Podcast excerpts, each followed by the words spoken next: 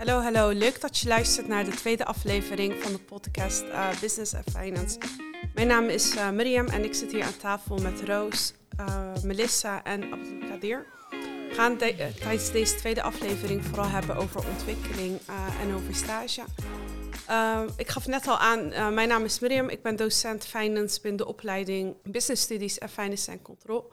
En ik zal mijn andere tafelgenoten ook voorstellen. Ik geef het woord over aan Melissa.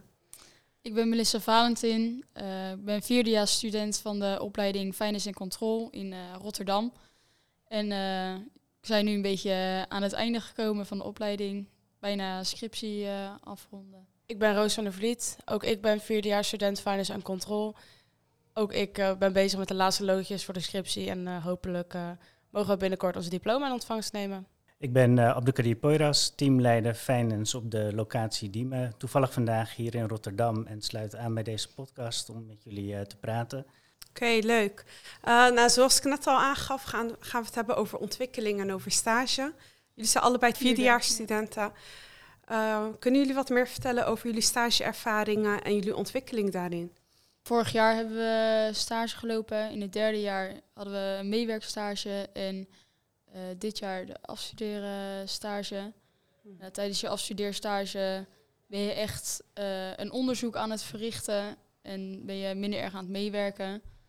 Ja, in je ontwikkeling, ik denk iedereen, iedere student heeft persoonlijke ontwikkeldoelen. Dus waar, misschien waar je nog niet zo goed in bent, is voor mij samenwerken met andere mensen. En dat is wel waar je tijdens de opleiding uh, moet je het wel doen. En ik heb wel geleerd uh, ja, beter te communiceren en niet alles zelf te willen doen tijdens, uh, tijdens samenwerken met mensen. Melissa, ik ben wel benieuwd, heb jij ehm, toen je aan je stage begon al nagedacht over waarop je je zou willen ontwikkelen? Of is dat, heeft dat zich ontwikkeld gedurende de stage? Um, Nee, eigenlijk niet echt tijdens de stage, maar meer tijdens. Uh, begon eigenlijk al in, uh, in het eerste en tweede jaar van de opleiding. Ik merkte heel erg aan mezelf. Uh, ik ken mezelf heel erg goed, dus ik weet wat ik wel en niet kan. En nou, dan weet je wel ook tijdens je stage waar je jezelf in kan ontwikkelen. En dan kan je ook vragen aan je begeleider van, ja, kan je erop letten of kan je me helpen als ik het verkeerd doe, om zo maar te zeggen.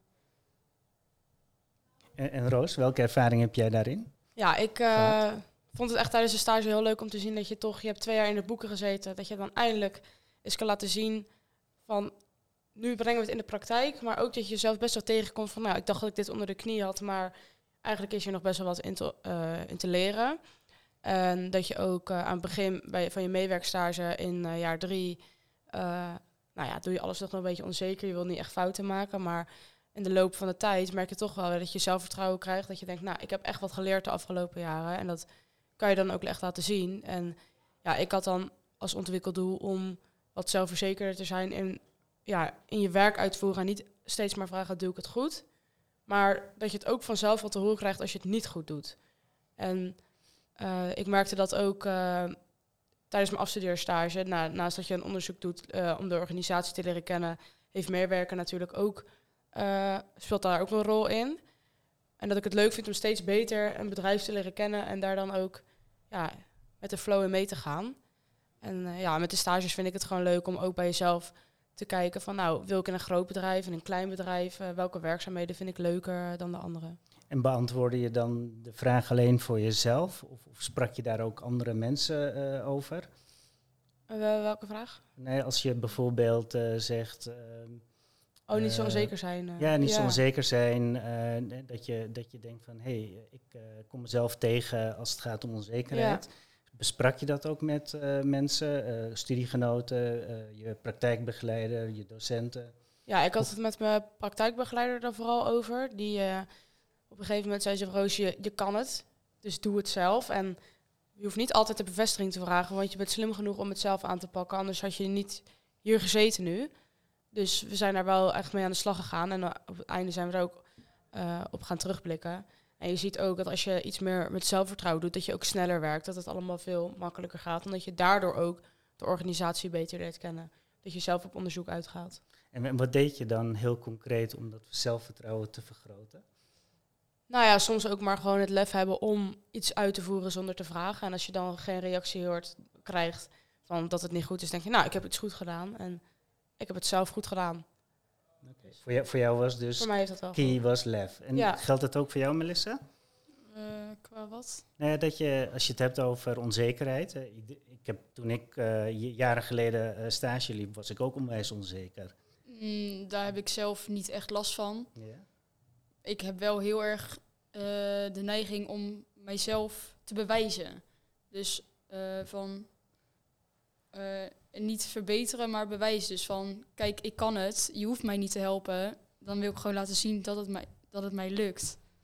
En niet, dan, ik vraag niet snel om hulp. Ik wil eerst, ja, ik wil gewoon laten zien dat ik het kan.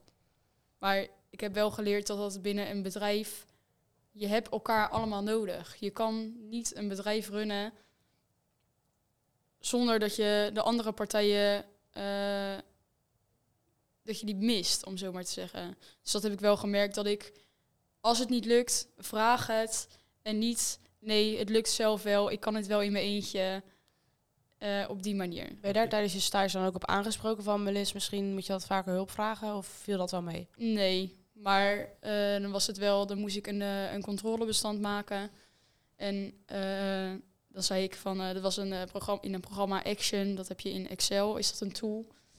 En ehm, dan had diegene uitgelegd hoe dat werkte. En het was, ja, kan je dan dit en dit? En ik zeg, ja, laat maar, ik, dat lukt mij wel. Op een gegeven moment lukt het niet. En toen wou ik eigenlijk niet om hulp vragen. En toen dacht ik, oké, ik ga het eerst zelf uitzoeken. Het was, kreeg ik op een gegeven moment de vraag, ja, is het gelukt? Toen dacht ik, nee, het is niet gelukt. En dan, ik, ja, op die manier kwam ik wel achter, oké, misschien moet ik me toch even over een bepaalde soort trots heen zetten. Van het is oké om, om hulp te vragen. En, ehm, en hoe, eh, eh, heb je misschien een voorbeeld hoe, hoe je dat gedaan hebt? Hè? Over, je over die trots heen zetten. Is er, is, heb je daar een maniertje in ontwikkeld voor jezelf? Mm, ik merk wel dat ik het nog steeds lastig vind. Omdat ik dingen heel graag alleen doe. Ook met samenwerken. Dat heeft Roos denk ik ook wel eh, ervaren. Ik heb vaak met Roos eh, samengewerkt. En eh, nou, vaak had ik dan als iemand iets had gemaakt waar ik het niet mee eens was, veranderde ik dat. Ja, ik denk dat wij daar ook wel van elkaar veel over geleerd hebben hoor. Dat ik, zeg maar, ik vraag wel wat sneller om hulp dan Melissa. Misschien dat Melissa daar iets van mij van geleerd heeft. Maar ik heb ook wel toch geleerd om, nou ja, ik wil niet alles vragen. Ik doe het eerst wel zelf, weet je. Eh, ik wil ook aan hun laten zien dat ik het eh, ook wel alleen kan. En dan toch altijd wel even, ja, we checken vaak elkaars werk. En je merkt Ja. het snel genoeg, eh, ja, als het niet goed is. Want we durven dat ook wel tegen elkaar te zeggen. Maar Klopt. je merkt het wel bij Melissa als er andere mensen in de groep komen, dat, dat ze dan nog even een extra check eroverheen gooit. Ja, Maar hoe gingen jullie daarmee om? Want Roos vraagt eh, wel om hulp en eh, Melissa vraagt wat minder snel om hulp. Weet je, hoe, wat, hoe, gaat, hoe gaat dat dan in zo'n project? Eh, nou ja, we zijn altijd in ieder geval wel met z'n drieën geweest. En dan kwam er vaak kwam er dan iemand bij. En de derde persoon was dan Demi. Nou, wij kunnen met z'n drieën kunnen wij best wel goed samenwerken. We weten, in ieder geval voor mij werkt dat goed, omdat ik weet wat ik eh, aan hun heb. Wat hun kunnen. Eh, maar als er een andere persoon bij komt, waarvan ik eh, Niet het idee hebt dat ze op hetzelfde level zitten. Juist. Dan heb ik de neiging om hun als, het klinkt misschien heel gemeen, om hun als dom te beschouwen. En niet dom van ze kunnen niks, maar ze kunnen niet leveren wat ik wil, wat ik geleverd wil hebben. Dus dan, ga ik, dan zorg ik ervoor dat wanneer zij iets aanleveren, dan kijk ik dat na en dan verander ik dat helemaal. Ook als zij het daar niet mee eens zijn. Omdat ik van mening ben dat wat ik maak, dat dat klopt. Ik denk ook wel dat de dynamiek die wij met z'n drieën hebben tijdens het samenwerken in de afgelopen jaren zo gegroeid is dat wij echt alles tegen elkaar durven zeg- te zeggen. Ja. En dat is natuurlijk wel heel lastig als er iemand bij komt waarbij je dat niet hebt. Dus dat doe je dan ook niet, omdat je ook iemand zijn vertrouwen niet wil beschadigen in zichzelf. Ja. dan is het heel lastig om niet je mond open te trekken. Dus dan heeft, denk ik, Melissa zelf zoiets, nou, dan verander ik het wel. Ja. Dat je toch wel rekening houdt met gevoelens die iemand daarbij kan krijgen. Ja, wat, wat, waar ik wel naar benieuwd ben, als ik bijvoorbeeld kijk naar mijn eigen professionele ontwikkeling.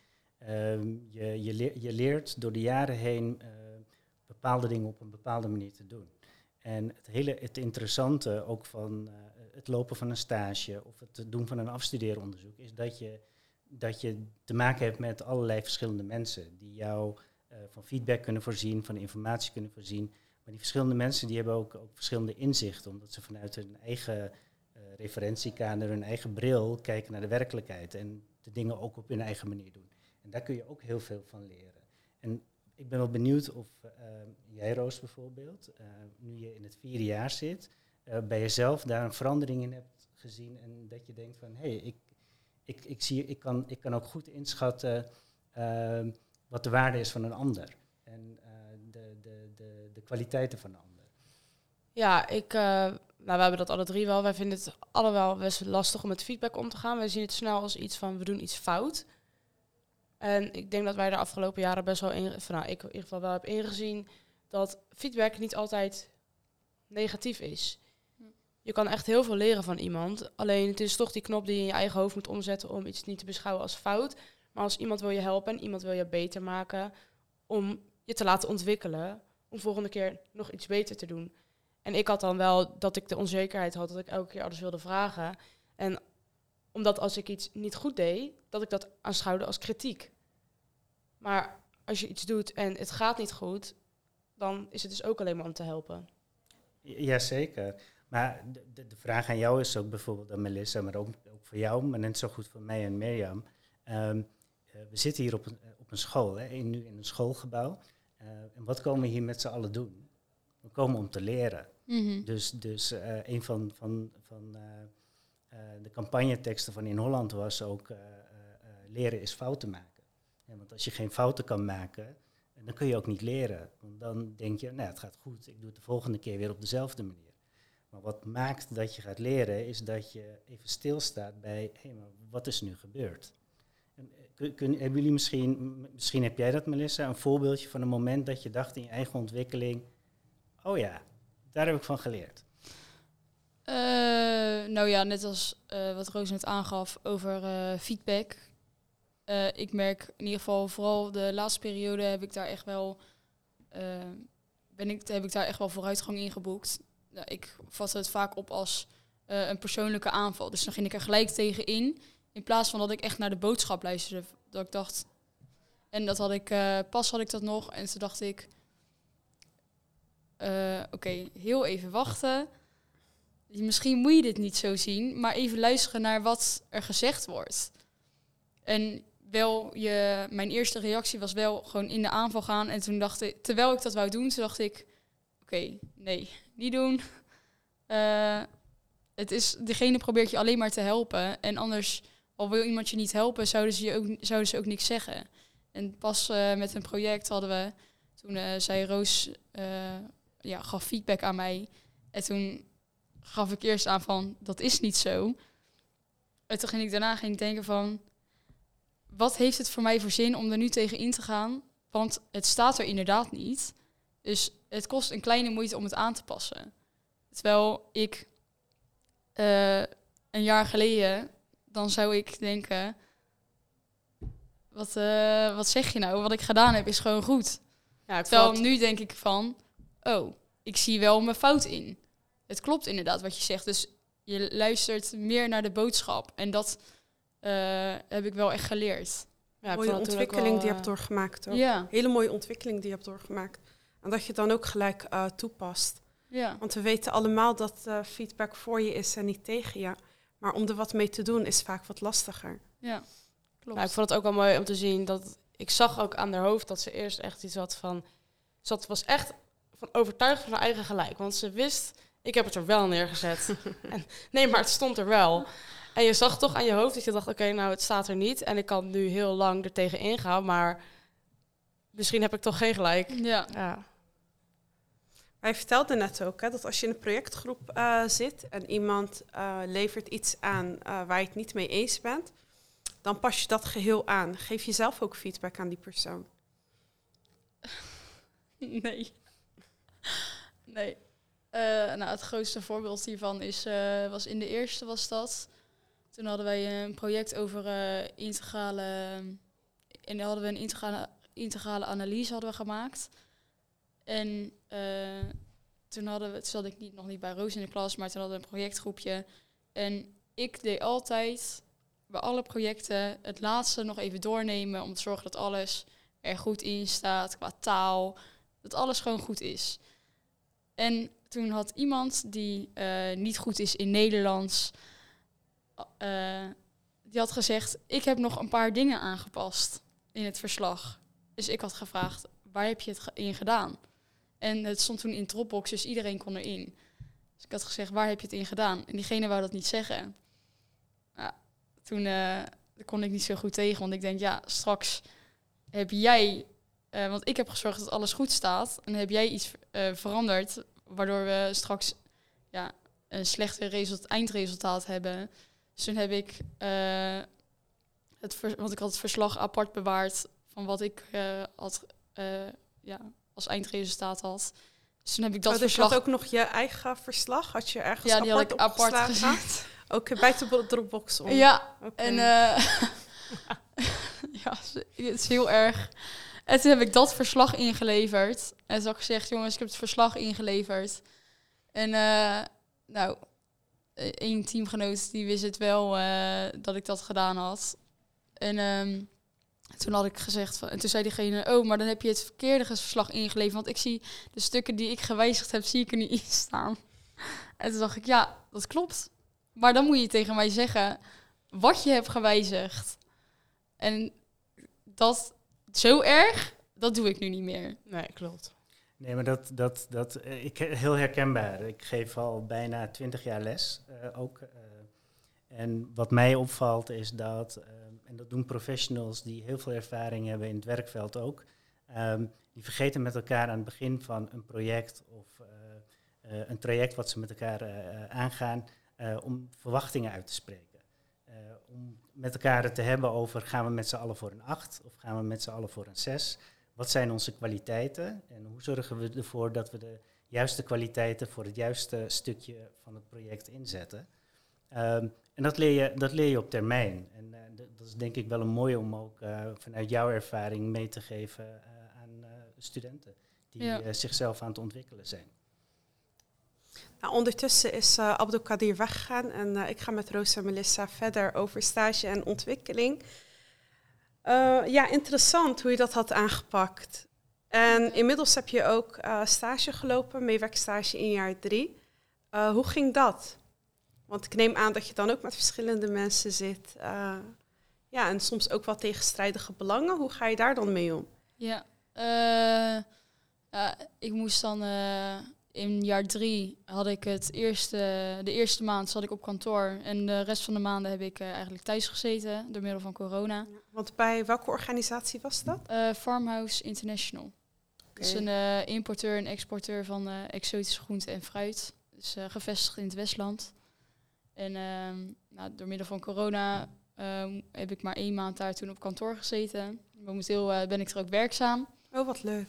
Ja, en ja, dus samenwerken viel wel mee op zich. Alleen in de eerste maand, uh, ik merkte al heel gauw waarvan uh, de mensen waarvan ik dacht, oké, okay, naar jou zou ik luisteren en naar jou niet.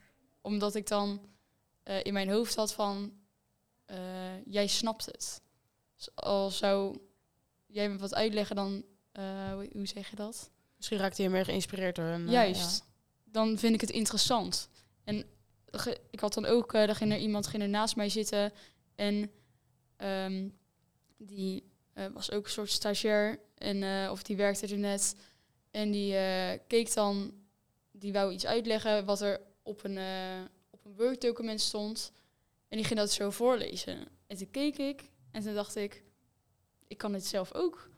Ik, ik kan er zelf ook uitkomen. Snap je? Als ik dit, dan lees ik het document door en dan snap ik het zelf ook. Ik denk, dat hoef je me niet uit te leggen. Maar je zou ook uh, kunnen denken, diegene neemt ervaring en expertise mee. Ja, Dus wellicht dat hij het daarmee aanvult. Of ah, was het vrijwel in het begin, hij leest voor en... ja, het was een beetje in het begin van hij leest voor en dan denk ik, ja, dat paste bij mij paste het er niet helemaal in. En dan heb je bijvoorbeeld een financial controller en een business controller. En daarvan denk ik, oké, jullie willen mij echt de processen uitleggen en alles. En dan daar raak ik dan geïnteresseerd in. Dan, dat wil ik dan volgen. Maar als het niet eh, zo iemand is en ik merk dat diegene er weinig verstand van heeft, dan ja, sluit ik af. Dus dan verlies je interesse. Ja, dan verlies ik mijn interesse.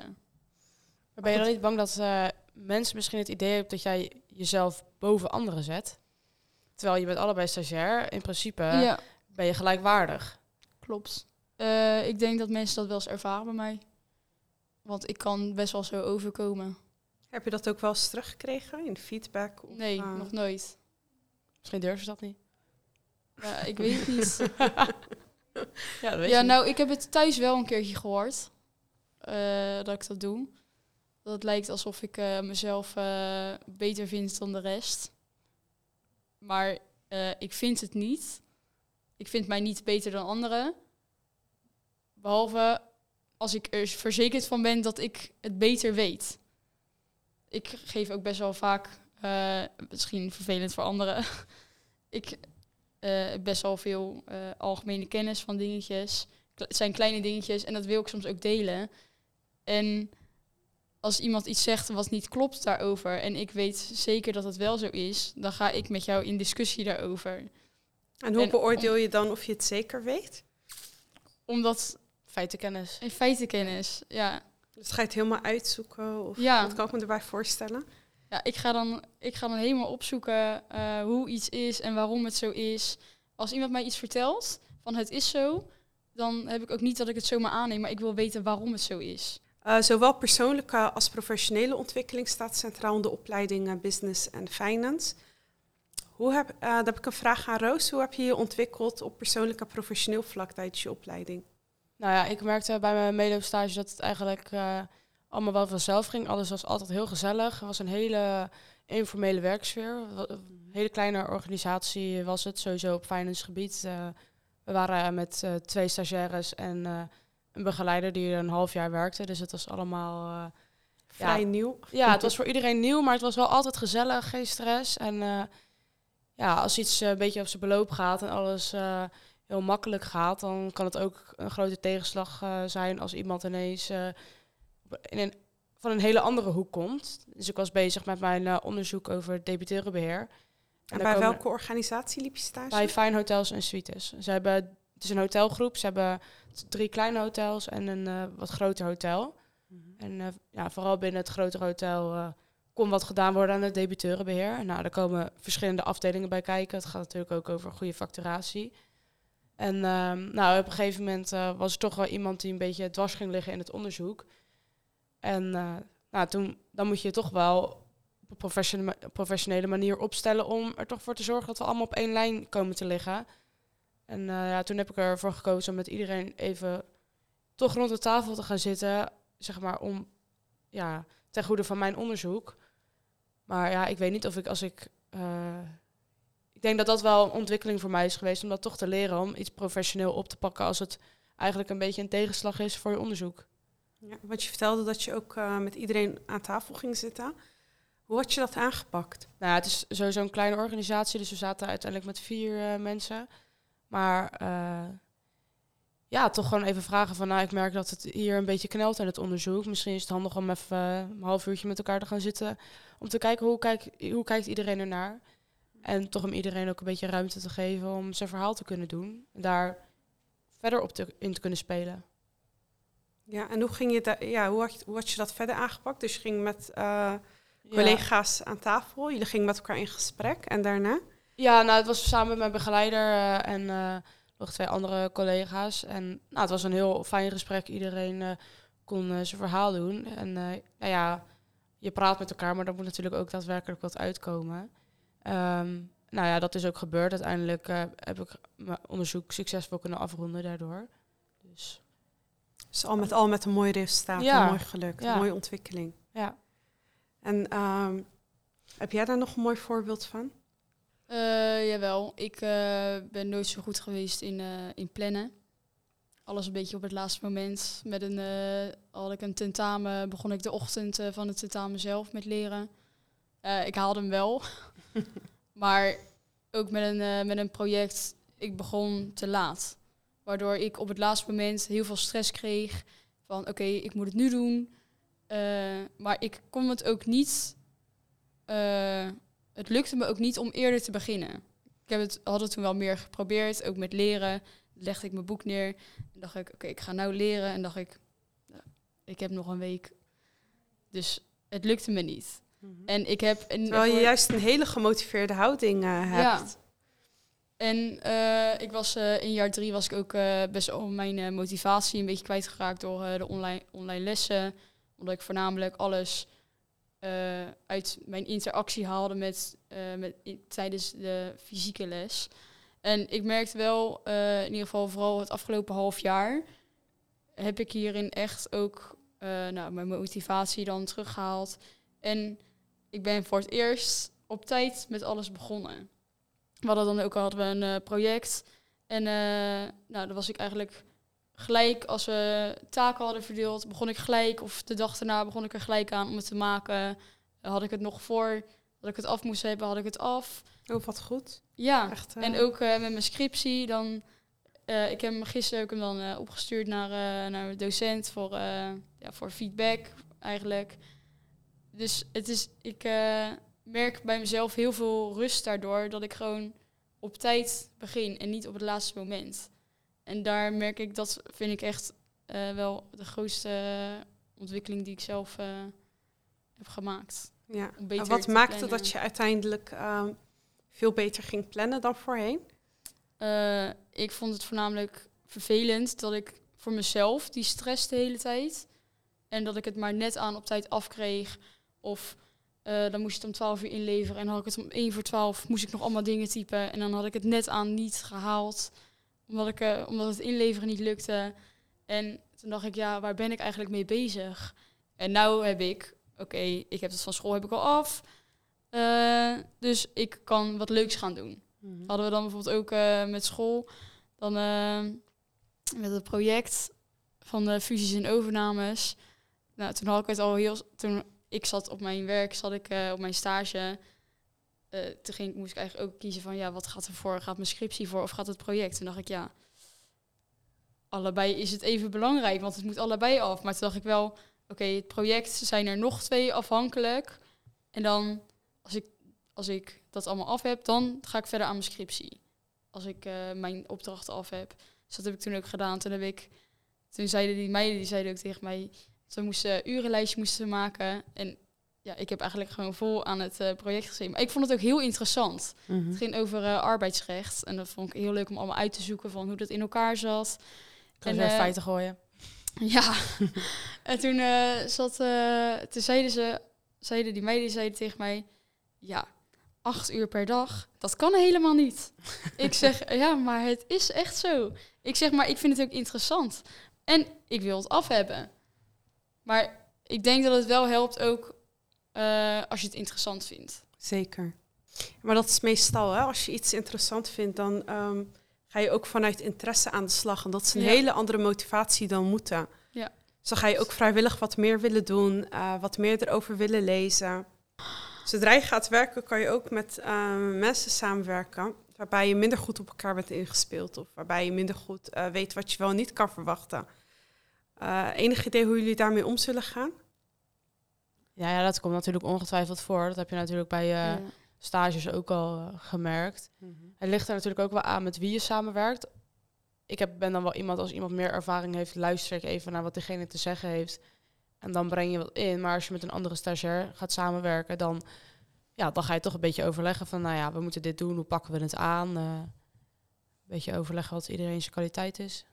Ik denk dat je bij samenwerken binnen een organisatie, dat het heel erg van belang is dat je, stel je komt nieuw binnen een bedrijf, dat je van alle functies uh, leert wat zij doen. Ja. Mm -hmm. Dus dat je elke, dat je bijvoorbeeld, dat je maar een dag of twee, dat je met een bepaalde functie hebt meegelopen. Met supply chain, met verkoop, met inkoop. Zodat je eh, weet wat zij doen en beter op elkaar kan inspelen, maar ook respect hebt voor wat diegene doet.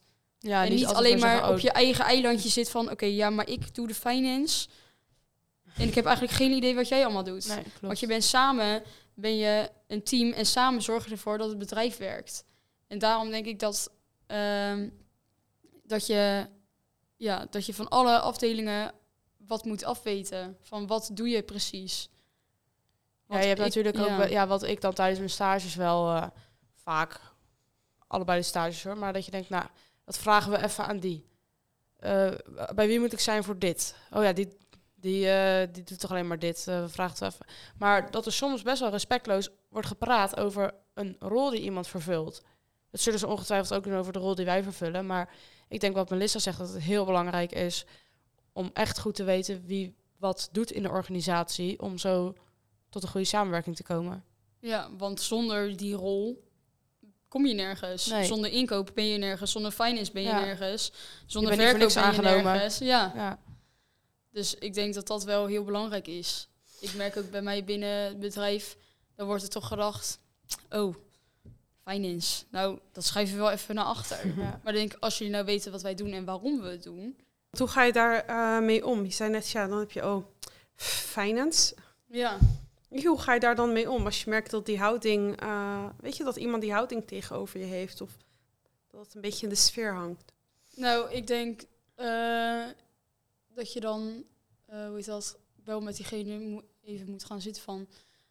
Want ik merkte dan een keertje, dan was iemand en die schreef dan telkens administratie de tijd van.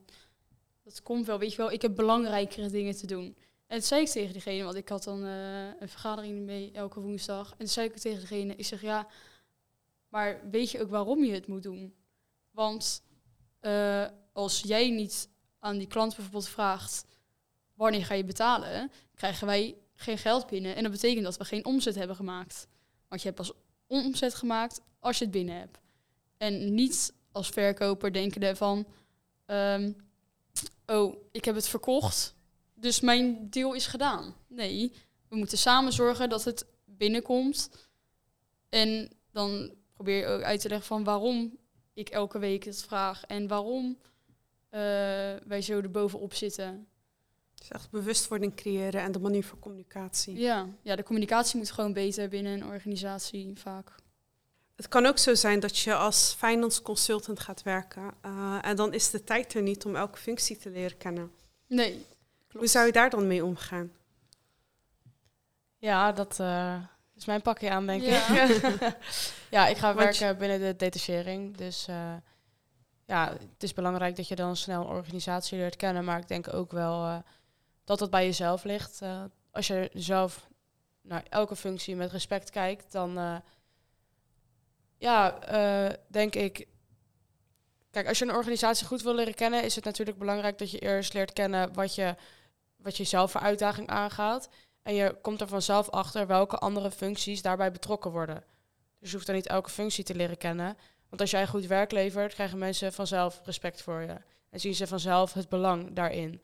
Als je langer binnen een organisatie werkt, dan snap ik wat Melissa zegt helemaal. Maar als je als consultant gaat werken, dan is het echt belangrijk dat je zelf in kaart brengt welke mensen moet ik spreken. Omdat je niet alle tijd hebt om heel de organisatie te leren kennen, wat jij zegt. Nee, dus wie zijn belangrijk op dat moment voor jou? Ja. En ja, als, dat- als dat steeds groter wordt, dan moet je gewoon steeds meer mensen leren kennen. Maar als je zelf altijd een gesprek ingaat met ik heb respect voor wat je doet en ik zie het belang van jouw functie in de organisatie, denk ik alleen maar dat daar hele mooie gesprekken uit kunnen komen. Dus je bepaalt echt je intentie voordat je eh, een gesprek aangaat Ja. met iemand.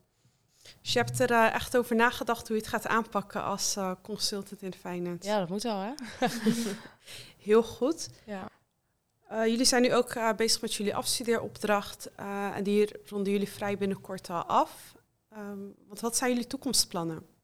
Ja, zoals ik zei, ik ga werken in de detachering. Dus ja, er zijn natuurlijk veel lessen die je daar vanuit school ook je ontwikkelingen in mee moet nemen. Om ja, toch je werk succesvol af te kunnen ronden. hopelijk ga ik daar heel veel leren, veel bedrijven zien, veel nieuwe mensen leren kennen. Mhm.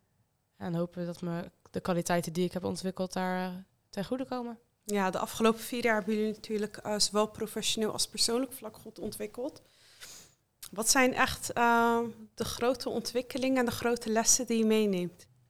Ja, voor mij is het echt, ik ga in de detachering werken, dus je krijgt steeds een nieuwe opdracht. Als ik er nu kijk, denk ik, oh, hoe ga ik dit allemaal aanpakken? Maar mm-hmm. toch weer dat zelfvertrouwen. En ik ben, ik kan misschien meer dan dat ik zelf denk. En ik ga heel veel leren. En uh, ja, als ik niet slim genoeg zou zijn, hadden ze mij ook niet aangenomen. En dat een beetje in je achterhoofd houden. Dat er echt wel, uh, dat je toch de kwaliteiten wel hebt uh, die je nodig hebt. Lissa, wat zijn jouw toekomstplannen? ik krijg een vast contract aangeboden bij Farmhouse International. Oh, wat leuk, gefeliciteerd. Ja, dankjewel.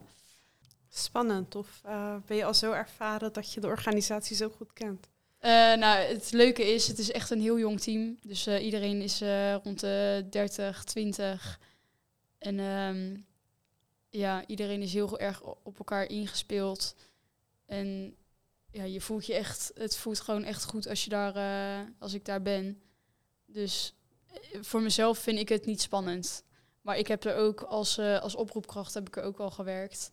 Dus het eigenlijk het enige wat er verandert is dat ik ja, het vaste contract krijg. Vind jij het spannend om als uh, consultant aan de slag te gaan?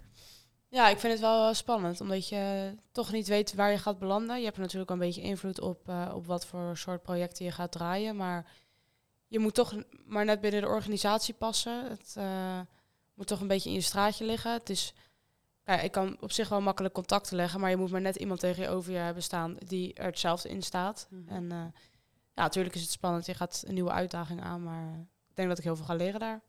Wat is volgens jullie echt de meerwaarde geweest van jullie opleiding? Als je er nu op terugkijkt naar de afgelopen vier jaar. Ja, je hebt wel echt veel geleerd. Ook over bijvoorbeeld duurzaamheid. Hebben we voornamelijk dit jaar gehad. Aan het begin van het jaar dacht ik echt, duurzaamheid. Dacht ik, nou, dat hoor je al zo vaak wat een onzin, dat dacht ik echt. Mhm. En ik heb nou, tijdens dat ik bezig was met het jaar, dacht ik echt, nou, het, het is ook echt belangrijk. Waarom uh, denkt niet iedereen er zo over? Dus ik ben echt wel anders ernaar gaan kijken, gewoon echt hierdoor. En ook, je moest altijd uh, smart doelen opstellen. Ik dacht altijd, nou, smart doelen, verschrikkelijk. ik vond het echt niet leuk om al die doelen smart op te stellen. En daar was ik bezig met mijn scriptie. En uh, de doelen van de organisatie uh, die had ik nodig voor de balance scorecard. En ik keek naar die doelen en ik dacht, ze zijn niet smart opgesteld. Dit kan niet. ik kan ze niet gebruiken. Dus toen dacht ik, je hebt het wel echt nodig. Dus dat, ondanks dat je soms denkt van, nou, um, waar doe ik het voor? Net als die smart doelen, dan had ik echt dat idee. En dan denk ik nu tijdens mijn onderzoek, toen dacht ik, ja, hoezo hebben jullie het niet smart opgesteld? Je weet toch dat je dat moet doen. Mhm. Dus dat vind ik dan wel geinig dat dat dan naar boven komt. Of ook uh, tijdens je werk, dat je denkt van, oh, wij zijn dan uh, heel erg bezig met duurzaamheid. Dat je het zelf ook denkt van, oh ja, daar kunnen we er ook over meedenken. Van uh, hoe kunnen we dat, hoe kunnen we nog duurzamer worden? En welke lessen nemen jullie echt mee vanuit je opleiding, weet je, op persoonlijk vlak?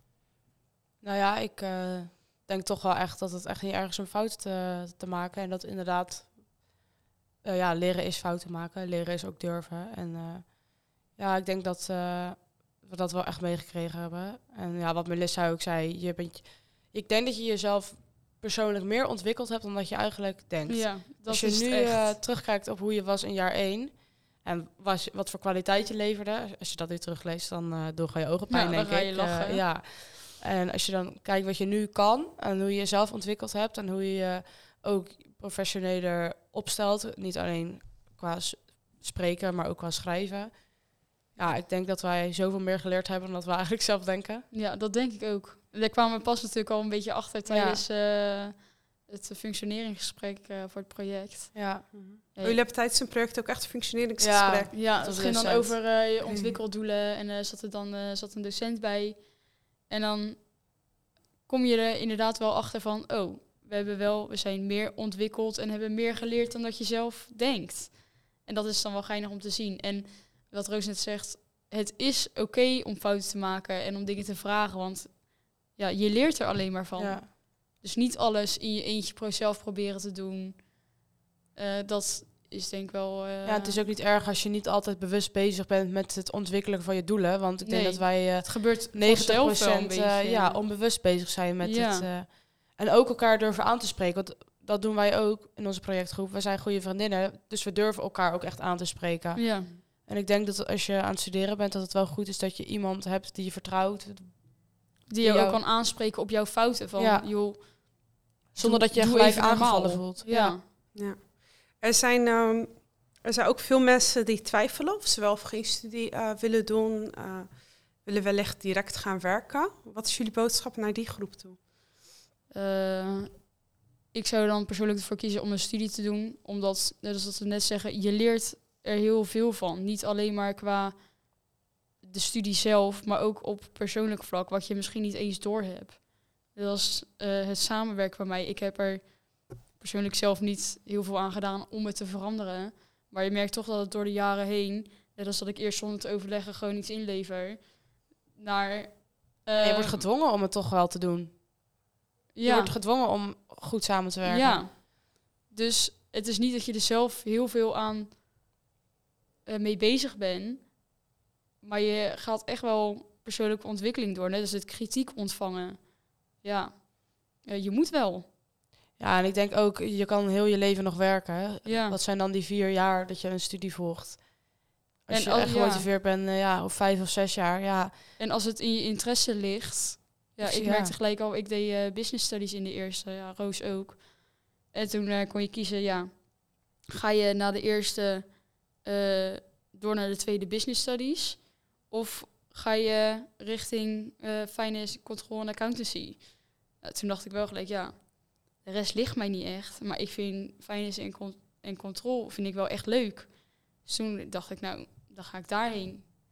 Dus je moet wel echt iets doen waar je interesse ook ligt. Anders, Ja, maar ja, ook als Ja. je een studie hebt gekozen waarvan je aan het begin denkt het is leuk en je komt daarna een jaar achter dat je toch helemaal niks vindt. Heel veel mensen zeggen dat het een weggegooid jaar is, maar dat is het echt niet. Want je leert zoveel. je leert zoveel in een jaar. en je leert ook ja. wat je niet leuk vindt. Ja. En hoe vaker je doet wat je niet leuk vindt, hoe dichterbij je komt wat je wel leuk Ja. vindt. Ja. hè? Zeker. Dus ik, eh, ik zou zeggen, doe die studie. Want je leert er gewoon heel veel van. Misschien heb je een paar keer een mental breakdown, maar eh Ja, die heb iedereen. ja. En Ja. zijn jullie op persoonlijk vlak veranderd eh, door de studie? Nou, sowieso dat kritiek accepteren. Ik denk dat dat voor ons allebei een hele moeilijke was. Ja. Als je kijkt naar jaar één, eh, dat ik dacht, nou, hou jij maar even je mond tegen mij, want ik weet het wel. Maar toch, weet je, je in je privéleven is dat ook. Als je geen kritiek kan accepteren, zeggen mensen ook op een gegeven moment niks meer tegen je. En dan ontwikkel je jezelf helemaal niet. Dus sowieso openstellen voor kritiek is voor iedereen heel belangrijk. Ben ik Is van het mening. kritiek of feedback? Ja, allebei wel. Ja. Ligt eraan hoe je het opvat. Nou ja, kritiek hoeft ook niet slecht te zijn. Nee. Dus weet je, het is net hoe je er zelf in staat. Eh, nou ja, dat is sowieso één punt wat ik niet alleen meeneem op school, maar ook gewoon privé. eh. Ja. ja, het is voor je en niet tegen je. ja. Ja. Ik denk dat als we het zo gaan inzien, dat er dan ook geen kritiek meer is, maar feedback. Maar feedback, En toch is het wel makkelijker gezegd dan gedaan, want ik merk Ja. nog steeds wel hoor, bij mezelf dat er wat begint te knagen als iemand me feedback geeft. Maar dus de reactie die je erop geeft, maakt dat iemand jouw feedback blijft geven.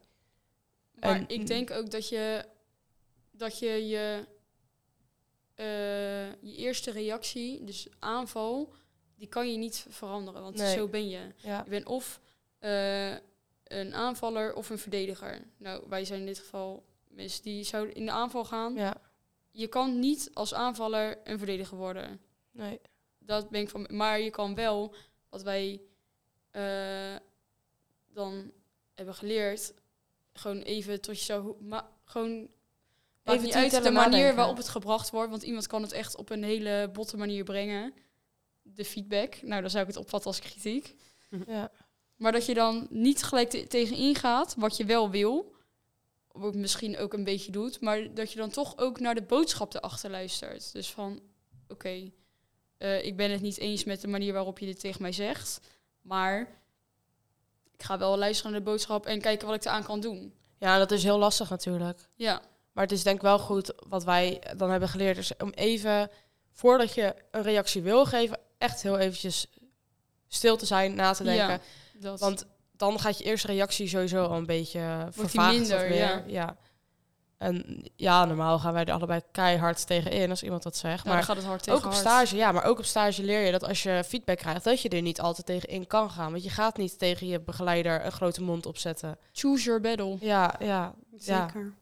Mooi om mee af te sluiten. Dank jullie wel. Eh, heel veel succes met het afstuderen. En uiteraard ook echt heel veel succes eh, in jullie verdere carrière. En bij de mooie stappen die jullie nog allemaal gaan zetten. Eh, en dank jullie wel voor het luisteren. Je hebt geluisterd naar de tweede aflevering van Business and Finance van Hogeschool in Holland. Dit ging over persoonlijke ontwikkeling en stage. De volgende aflevering gaat over accountancy. Veel plezier met luisteren.